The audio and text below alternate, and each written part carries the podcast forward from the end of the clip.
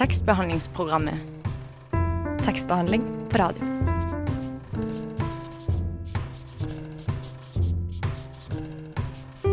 Tekstbehandlingsprogrammet.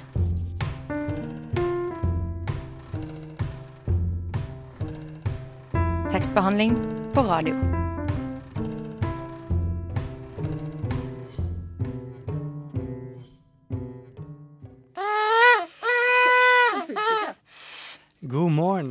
Velkommen til tekstbehandlingsprogrammet Radio Novas beste og eneste litteraturprogram. Og godt nyttår!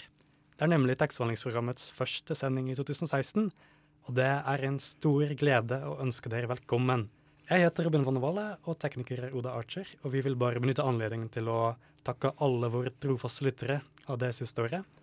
Og vi, redaksjonen i tekstbehandlingsprogrammet, kan forsikre dere at vi også i år vil gjøre alt vi kan for å gi dere de beste analysene, de dypeste intervjuer og rett og slett de beste sendinger om litteratur i alle sine former. Og ikke bare velkommen til dere, vi har også et nytt redaksjonsmedlem. Velkommen, Mari. Tusen takk for det. Yes, um, du Kunne du fortelle litt om deg selv først? Ja, eh, ja, som du sa så heter jeg Mari. Jeg er 23 år og kommer fra et sted som heter Elverum. Og jeg studerer journalistikk på Høgskolen i Oslo og hadde veldig lyst til å være med i tekstbehandlingsprogrammet fordi jeg er så glad i bøker. Ja, Så bra. Og så ser jeg at du har tatt med deg en bok også nå. Ja, det stemmer. Ja, Hva er det for en bok? Jo, eh, jeg har tatt med meg min favorittbok fra 2015. Eh, den heter 'Vingebelastning' og er den fjerde boka til Helga Flatland. Eh, og den handler om en mann som heter Andreas. Eh, og han er 30 år, og han er deprimert, og han er sykmeldt. Og i boka så prøver han rett og slett å finne litt eh, forklaringen da, på hvorfor livet har blitt som det har blitt. Og samtidig som han prøver å finne den forklaringen her, så eh, klarer han på en eller annen måte å ødelegge forholdet sitt til de nærmeste, foreldrene sine og kjæresten Hanna. Så det er ja, ganske Den høres jo ganske tragisk ut, men den, det er ikke en tragisk bok. Og det er en bok jeg kjenner meg ganske Selv om jeg ikke er deprimert og ikke en mann på 30 år, så er det veldig mye fint her som man kan kjenne seg igjen i. For Helga Flatland skriver veldig lett og veldig ja, gjenkjennbart da, for oss unge som kanskje sliter litt med å finne vår plass i samfunnet. Ja, kanskje det. Mm, um, men jeg tenkte at jeg skulle lese et lite utdrag eh, fra boka. Gjerne det. Um, for det er en bok som hopper ganske mye fram og tilbake i tid i Andreas sitt liv. Og det utdraget jeg skal lese, det er rett etter at han har slutta på videregående. Og han prøver å finne ut uh, veien sin videre, da. Så da skal jeg lese litt. Skal vi se. Men altså medievitenskap, sier pappa når vi spiser middag samme kveld. Mamma, Guro og jeg ser på han, venter på en fortsettelse, men han fortsetter ikke, blir bare stille. Ja, sier jeg til slutt, medievitenskap. Men hva skal du bruke det til, spør Guro. Mye. Man kan jobbe i kommunikasjon og i TV f.eks., sier jeg. I kommunikasjon og i TV, sier Guro. Hva betyr egentlig det? Nei, som kommunikasjonsrådgiver f.eks., eller forskjellige stillinger i TV-bransjen, som programleder eller produsent eller sånne ting, sier jeg, og prøver å huske hva som sto på nettsidene til Universitetet i Oslo.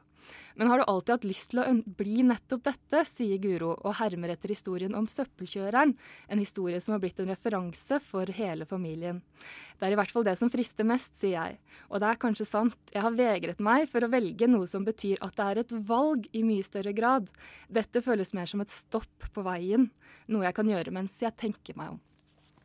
Ja, det var mitt lille Ja, utdrag. Tusen takk for det. Det var fint, da. Uh, nå skal vi høre på en sang som er av Sina Polada, og som heter Face to Face. Sandra Templeton, I love you and I will marry you. Tekstbehandlingsprogrammet. Hopper rett uti klisjeene. Ja, og i dag i årets første sending skal vi se litt tilbake på det litterære året som har gått, og vi skal se litt fram på hva som venter oss i 2016.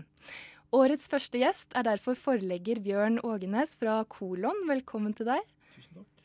Og Bjørn, kan ikke du fortelle oss litt om Kolon for de av våre lyttere som ikke er kjent med forlaget? Ja, nei, Kolon er eh, et enmannsforlag eh, i Gyldendal, et såkalt impint.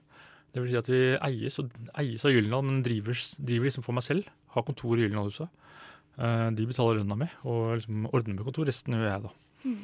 Um, og jeg utgir ca. 15 bøker i året. 10-15-20. Og så ny norsk skjønnlitteratur er det vi driver med. Eh, noen gjendiktninger. Um, ja, og, vi, og ellers så står jeg fritt ute i hva jeg vil. Så jeg har ikke sånn, si, sånn kommersielt press og sånt. Er det noen sånn favorittsjanger i det du gir ut, eller? Eh, Nei, Kolon utgir liksom skjønnlitteratur av alle mulige typer. Eh, norsk, eh, så da er det ikke noen ja, favoritt Nei, ingen favoritter av det, egentlig. Eh, men det er liksom rammene. Og så Nei, målet er jo at det skal være sånn best mulig innenfor sin type. At hvis det er krim, så skal det være veldig bra. Og hvis det er uh, essay, så skal det være bra. Samme åssen, uh, egentlig. For meg. Eh, men eh, du som styrer så mye selv, holdt jeg på å si, i, uh, i enmannsforlaget. eh, hva er dine favorittbøker fra 2015? Bortsett fra mine egne, tenker du på? Du kan nevne noen av de òg. ja, altså, Når man jobber i forlag, så er man jo ofte litt selvsentrert. Eh, så man driver liksom med seg selv, primært. Så min jobb er jo å prøve å lage bøker og få de best mulig. Eh, men det hender jo at man leser noen andre bøker også. Eh, en, av de, ja, en av de beste i fjor synes jeg var Ferrante. Det var veldig morsomt å lese hele serien, egentlig. Uh, siste, eller de, den Napoli-tetralogien, som den heter. Um, det syns jeg var gøy. Og den uh, hadde jo liksom litt sånn samme type skal si, sånn energi som jeg syns Karl Ove Knausgård har i min kamp. på en måte. Ja, I måten å fortelle på. Det er en sånn realisme som er sånn Man blir på en måte interessert i livet som sådan. Eh, altså, jeg er ikke noe sånn spesielt Jeg er ikke noe i utgangspunktet spesielt interessert i kvinner i Napoli. Men, eller noe sånt, men hun får meg til å bli veldig interessert i de personene, fordi for hun er så god til å fortelle. Og når man er så god til å fortelle, så blir liksom alt interessant, syns jeg. Så ja, hun er meddrivende. Mm. Uh, siste bindet syns jeg var mye svakere. Da. Det var liksom, der var det ikke så mye sånn eh, Jeg vet ikke om dere har lest det. Nei. Nei. Men, eh, nei, men da var det liksom mye mindre Da var det mer en gjenfortelling enn handling. Og så det var mer sånn og så og så og så, og så skjedde det og det i livet. Det var liksom, ja. Det var ikke så spennende å følge med på. Nei, altså Det som hun er så utrolig god på, er liksom å klare å legge fram en ganske enkel handling. Altså En hovedhandling at de liksom mister noen dukker, f.eks., som blir sånn enormt betydningsfullt. Og analysert og tolket i det vide og det brede. Eh, Eller en ferietur til Sør-Italia, som også blir analysert over liksom hundrevis av sider. Og da veldig sånn interessant, og kommer inn fra mange vinkler. Og liksom eh, forteller hva det betyr for alle mulige, og i fremtiden også. Så det, det, er- jeg er veldig imponerende. Hvordan liksom ja, øh, går grundig inn, da, Mm. rett og slett. Og ja, er, øh, det er som, Noen syns at det er sånn damermann. Det er jeg ikke enig i. Jeg synes det er god realisme. Altså sånn Tolstoy-nivå. Dickens, Tolstoy, ja, sånn type nivå. Og fordi det også er for at alle lagene Det er både liksom det trivielle, si, det dumme livet, enkle livet, samtidig som det er liksom sånn en analyse av Italia, av klassesamfunnet, av mafiaen. Men også av barnets situasjon og kvinners situasjon. For at, ja, Første bind sånn, handler om barn. Hvordan de ser verden. De ser verden sånn stor. Alt En butikk er kjempestor for dem hvis du er fem år. Uh, når man leser, så tenker man butikken er kjempestor. Man tenker kanskje ikke over det. Så skjønner man jo etterpå. Herregud, det er jo bare en kiosk, liksom. Da blir man veldig Jeg ble imponert. Mm. Så ja. Ja, fint. Um, så lurte vi på, vi på Du Ja. leser uh, ganske mange debutanter, tror jeg også. Har du noen favoritter der, eller er det noe som har overraska deg av det som de nykommere av 2015? Jeg syns jo Maria Skaranger var liksom veldig god. Ja, synes hun eh, ja, Hun er kanskje min, eh, bortsett fra min egen debutant, så er hun kanskje min Mhm. favoritt til å få debutantprisen. Eh, på en måte. Uh, nei, hun har jo veldig, veldig godt språk, syns jeg. Uh, og ja, veldig sånn egenartet og gjennomført prosjekt. Og hun har Og jeg er utrolig sur for at jeg ikke er på kolon. Nei. Så det er veldig trist og lei for det, men sånn er livet. Det er brutalt. Ja, som skjer. Og hva ja. heter boka som hun skrev? Altså, utlendinger har, alle utlendinger har, gardin, har rull- nedrulla gardiner eller noe. Ja, det. Mm. Nei, den er veldig, veldig bra. Og jeg syns ikke det var noen ferdig bok, egentlig. Eller sånn, Den er ikke perfekt, men det, det, hvem, hvem er det, liksom? Kanskje Bibelen. Uh, men eh, jeg syns den var veldig, veldig bra. Virkelig bra. Og ja. Og gleder meg til å lese neste bok av henne. Hun og Elin Lund Fjern de er liksom de beste unge, syns jeg. da. Interessant. Så bra. Eh, nå skal vi høre på en liten sang før vi fortsetter praten eh, med deg, Bjørn. Eh, nå kommer Stromae med Papa Otai. Ja, vi var fremdeles her i tekstbehandlingsprogrammet, og vi har med oss Bjørn Ågenes. Um, Bjørn, um, i årsoversiktene som nå rikelig har kommet bl.a. i Morgenbladet og Aftenposten, um, er det en del bøker som er utgitt av Kolon, som er på disse listene av beste bøker av 2015. Um, så nevner Morgenbladet bl.a. 'Arbeider for scenen 1993-2015' av Finn Junker. Og 'Håpet og festen' av Kjersti Rorgemoen. Og Aftenposten nevner Henning Hagerup med 'Metafysisk skrapjern'. Nå lurte jeg på hvordan klarer dere å forutse hva som kommer til å slå an? Ja, det er umulig uh, å forutse. Det er det. Mm. Eh, altså Kolon, eller jeg og jeg tipper utrolig mange andre forlag, man jobber bare som best man kan. Mm. Eh, uten kynisme, holdt jeg på å si. Eh, uten, eh, uten en plan for hva som kan slå an. Jeg, i hvert fall ikke, jeg jobber ikke sånn. Um, nei, alle, alle de bøkene jeg jobber med, jobber for at de skal bli best mulig. Jeg driver liksom med kvalitet. Målet er eh, kvalitet. Eh, og noen ganger så slår det an. Eh, 2014, da slo liksom Anne Helene Guddal kolossalt an. Hun kom liksom ut med en debutdiktsamling i type november. Det er egentlig ulovlig å utgi diktbøker, øh, debutbøker da. Da er det bare bestselgere som er lov å utgi. Eh, Hvorfor det? Nei, for det, da er ingen opptatt av andre enn bestselgerne. Da strammer liksom oppmerksomheten seg til, og alle skal vi si, den litterære offentligheten er lei av bokhøsten. Og har bare, orker bare å fokusere på det de snakket om i går. Det er jo de, de som vant Brage og bestselgerne. Ja, bestselgerne. Eh, nei, og da plutselig var hun liksom Slo an hvorfor det? Ja, jeg skjønner hvorfor i etterkant, men det var umulig å forutse. Men hvordan, kan du fortelle litt om hvordan, dere på en måte, eller hvordan du jobber eh, når du skal velge ut eh, bøker til folk? Ja, det jobber eh, ut fra det vi syns Det vi, jeg syns er bra. Det er målet. Mm. Eh, Henning Hagerup, vi er gamle venner. Vi jobbet sammen i Vagant på 90-tallet. Uh, vi, har ja, vi har jobbet sammen, skrevet masse sammen. Vi har liksom redigert Vagant sammen. Vi har hatt en bokserie sammen. Uh, Riktignok bare med to bøker, men OK. Uh, vi har oversatt Walter Benjamin sammen. Uh, ja, vi har hatt mye kontakt. Og endelig så kom han ut med ny bok. Han har hatt disse essayene liggende i mange år, stort sett. Og så har han skrevet litt, og så har han vegret seg. Sånn at liksom hvordan vi jobbet, ja, vi jobbet sånn med tålmodighet, da. Med han, for eksempel. For han, av en eller annen grunn, så syntes han det var liksom vrient å utgi en bok. Uh, nå godtok han det, og det gikk liksom eh, utrolig bra. Mm. Uh, og han fikk masse ros og var masse på alle mulige lister og hist og pist. Så ja, Mm. sånn jobbet vi med den. Da var det tålmodighet. Ja. Ja. Men når dere skal velge Men også fordi han selv er så grundig. Så han liksom jobbet så mye med det. Så det ble liksom sånn bearbeidet og bearbeidet hele tiden. da. For det har jo stått på trykk før, men det er liksom vi- videreutviklet fra det. Mm. Mm.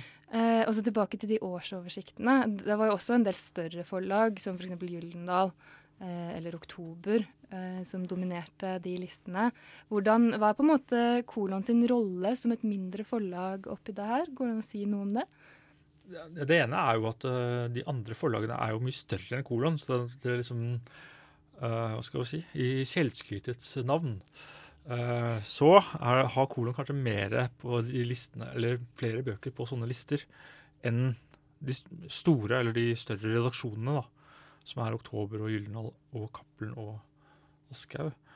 Um, Kolons rolle um, Eh, For Gyldendals del så er det liksom det het, De kaller det, eller kalte det i hvert fall, å fiske med forskjellige garn. Det vil si eh, noen forfattere liker eh, små forhold. De kan gå på kolon. Og noen forfattere liker eh, store forhold.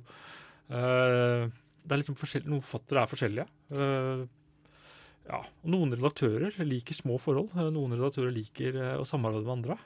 Noen redaktører er litt sære og vriene og ja, går gå mer for seg sjøl, eller gjør mer sånn på sin egen måte, da.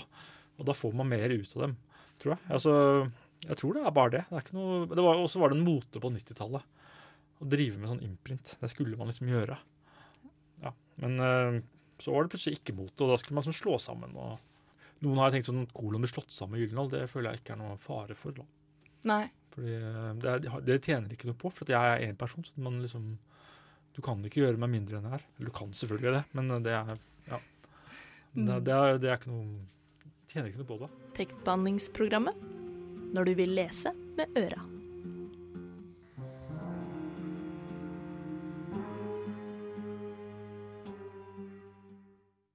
Ja, Bjørn Ågenes. Um, nå kommer det et litt uh, stort spørsmål. Hva tror du er tendenser i samtidslitteraturen? Kan du si oss litt om det? Eh, det kan jeg selvfølgelig gjøre. Det har du jo spurt om og bedt meg forberede meg på. Uh, så mitt foredrag er det du selv har skrevet ned, nemlig Karl Ove Knausgård. Han er liksom tendensen. Jeg syns på en måte at uh, i hvert fall én viktig tendens er jo faktisk memoarlitteraturen. Det gjelder Linn Ullmann, det gjelder Liv Køltzow og Karl Ove.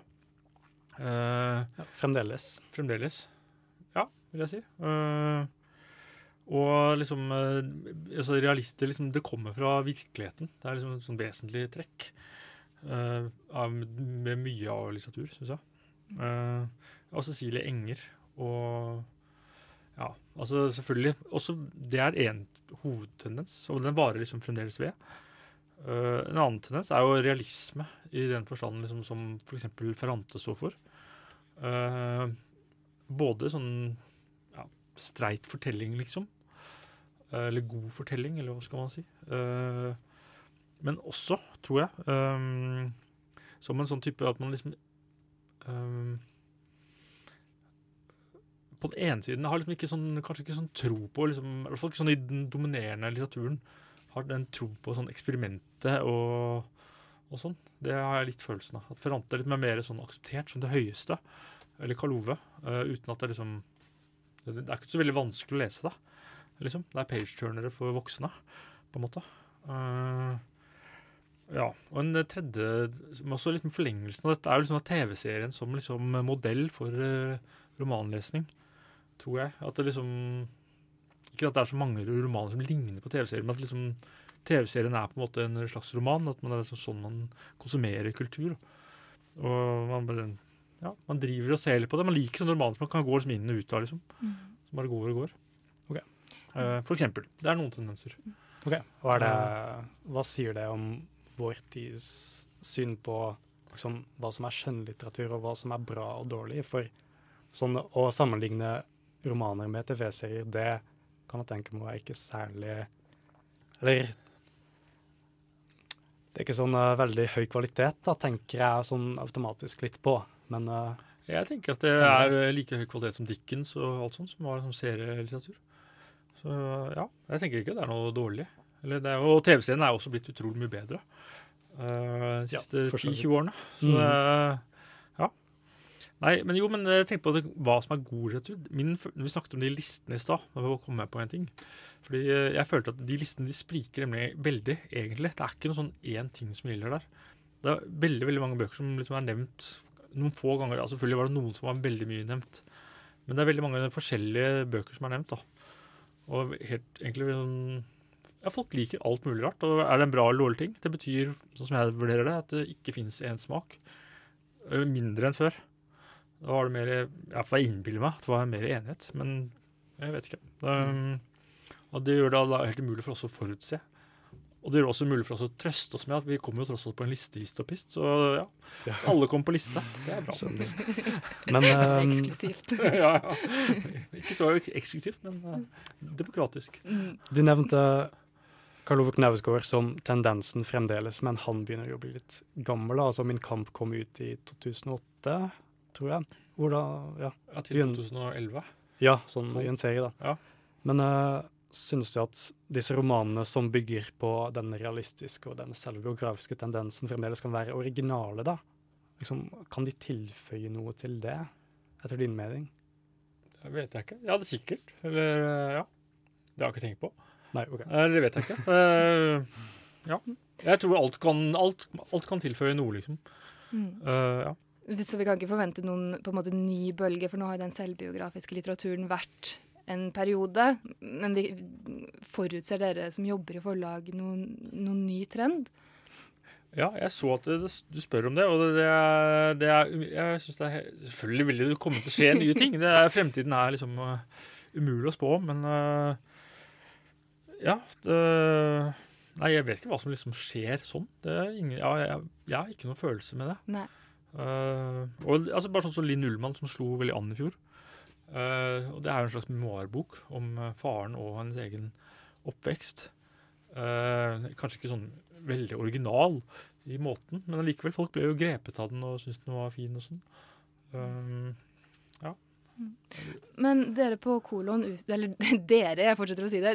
Ja. Kolon utgir eh, jo en del lyrikk. Ja. Er det noen tendenser vi kan se på det feltet?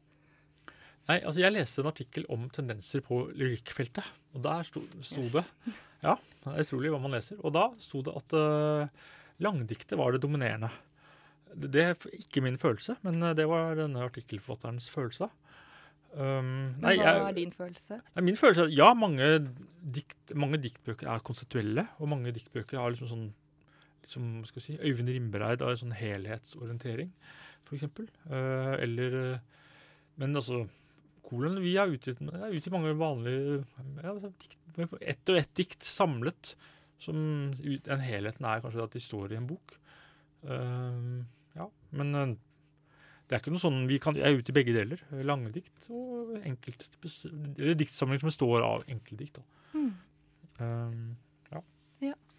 Eh, nå skal vi høre en sang av Venn, og det er Real Blood.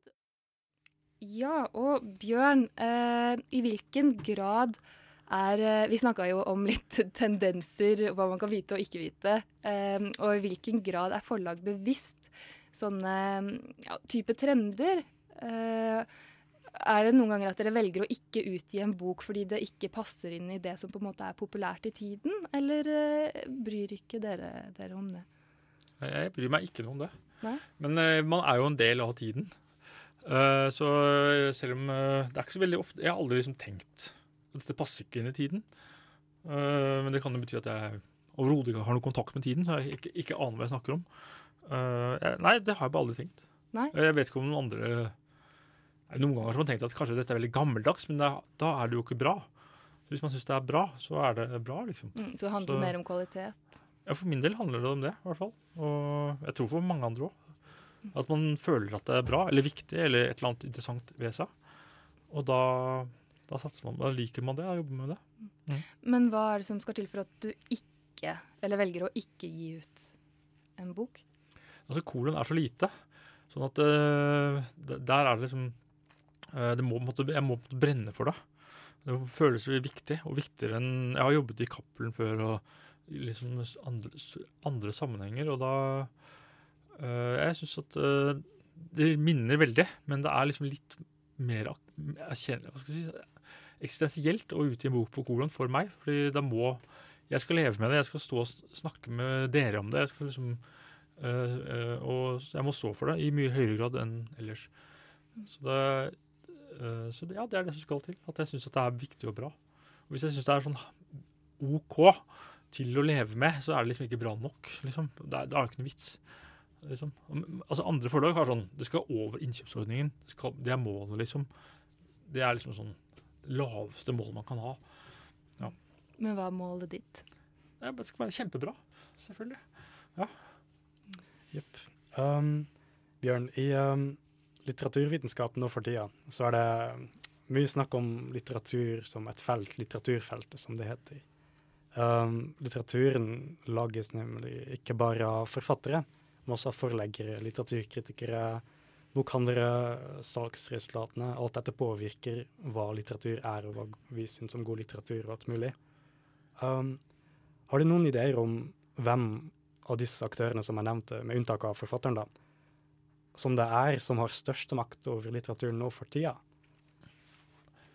Eh, Ja, jeg øh, Det er vanskelig å si enkelt og greit ja eller nei, nei på det, holdt jeg på å si. Eh, jeg tror at i hvert fall bokhandlerne har fått mye mer makt eh, ettersom bokklubben har forsvunnet, eller den er i hvert fall redusert. Og bokhandelens liksom, innkjøpsmakt er veldig viktig. Eh, altså, for, altså, en redaktør jobber jo med manus for å realisere forfatterens idé. Det er jo liksom det som er tanken. Og da er man liksom Så man har jo påvirkning sånn. Eh, men det er jo veldig vanskelig å styre en forfatter. Det er ikke så interessant heller, liksom. Eh, men nei, nei, altså hva som har fått bokhandleren har fått mer makt, det tror jeg man kan si. Eh, men jeg syns jo forfatteren er det klart viktigste liksom, moment, eller sånn element, enkeltelementet, da. Ja. Det er de Ja. som sitter hjemme og gjør jobben. Og sitter hjemme alene og liksom driver med dette. Og skriver og tenker. Og ja. Og er det greit som det er nå med bokhandlerne som har så stor makt, eller bør det være en annen som egentlig skal ha større for at det skal bli bedre, eller hva syns du om det? jeg syns det er veldig underlig å savne bokklubbene. Som vi hatet da jeg var liten. Ja. Og, ja. og liksom Nå savner vi dem fordi vi føler de var sånn kulturelt bevisste. Eh, som, ja, som bokhandelen i mye mindre grad er. Selv om mange enkeltpersoner som jobber i bokhandelen, er det, selvfølgelig. Men det, det er jo et sånt kommersielt system som gjør at de, ja, de må overleve. Jeg forstår de valgene de tar. Em, når vi er inne på bokhandel, uh, så tenker jeg litt når man var medlem Nei, en bokklubb. Når man var medlem i en bokklubb, så fikk du jo et visst antall bøker i året. Med mindre du huska å avbestille de bøkene du ikke ville ha. Altså, Har folk mindre bøker nå som bokklubbene ikke eksisterer? Kjøper folk mindre bøker enn før? Har du tenkt noe over det? I hvert fall jeg.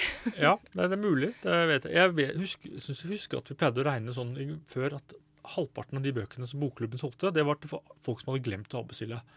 Så det var en kjempebra ordning for, eh, ja, for bokselgere, da, på en måte. Eh, Men nå ja, nei, Mitt inntrykk er at folk kjøper kanskje mm, like mange bøker, men de er kanskje på tilbud eller noe sånt. Jeg vet ikke. Mm. Em, ja, også nå som vi er i starten, helt i startgropa på et nytt år, uh, hvilke forfattere bør vi holde øye med i 2016? Ja, jeg har jo tatt med en bok til dere, nemlig av Stein Sørensen. Uh, med tittelen 'Fire'. Kommer ut i morgen. Den har fått én anmeldelse. Uh, Ternekast 6 i Adresseavisen.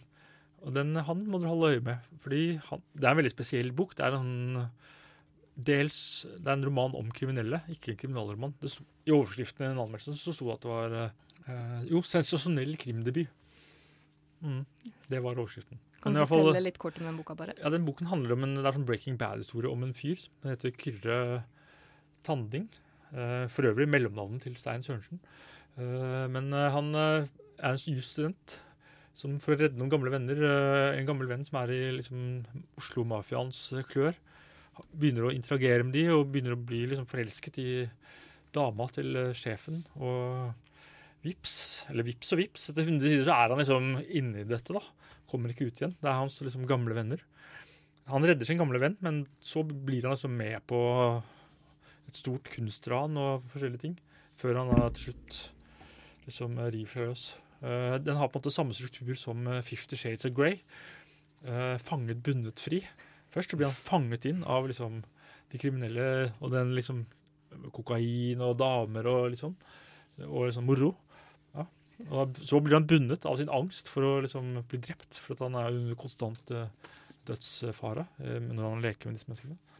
Og så han tar han liksom grep om sitt eget liv og kjemper seg fri og blir fri. Ja, det går med, han, Fatter'n er sykepleier, og han kan veldig mye om eh, f.eks. kroppen. og Han har på en måte 100 ord for blod. Så det, ja. Altså, det er liksom en veldig spesiell bok. Den er liksom dels en spenningsbok, dels en intellektuell bok. For han, forfatt, hovedpersonen tenker på tallet fire hele tiden. Boken heter Fire. Og så er det en eh, så er det en veldig morsom bok, for han har så mye blødmer. Altså, den mannen de liksom stjeler kunstsamlingen fra, heter Remi Hagen. Som er sånn blanding av Rimi Hagen og Petter Stordalen og litt noe annet. Ja.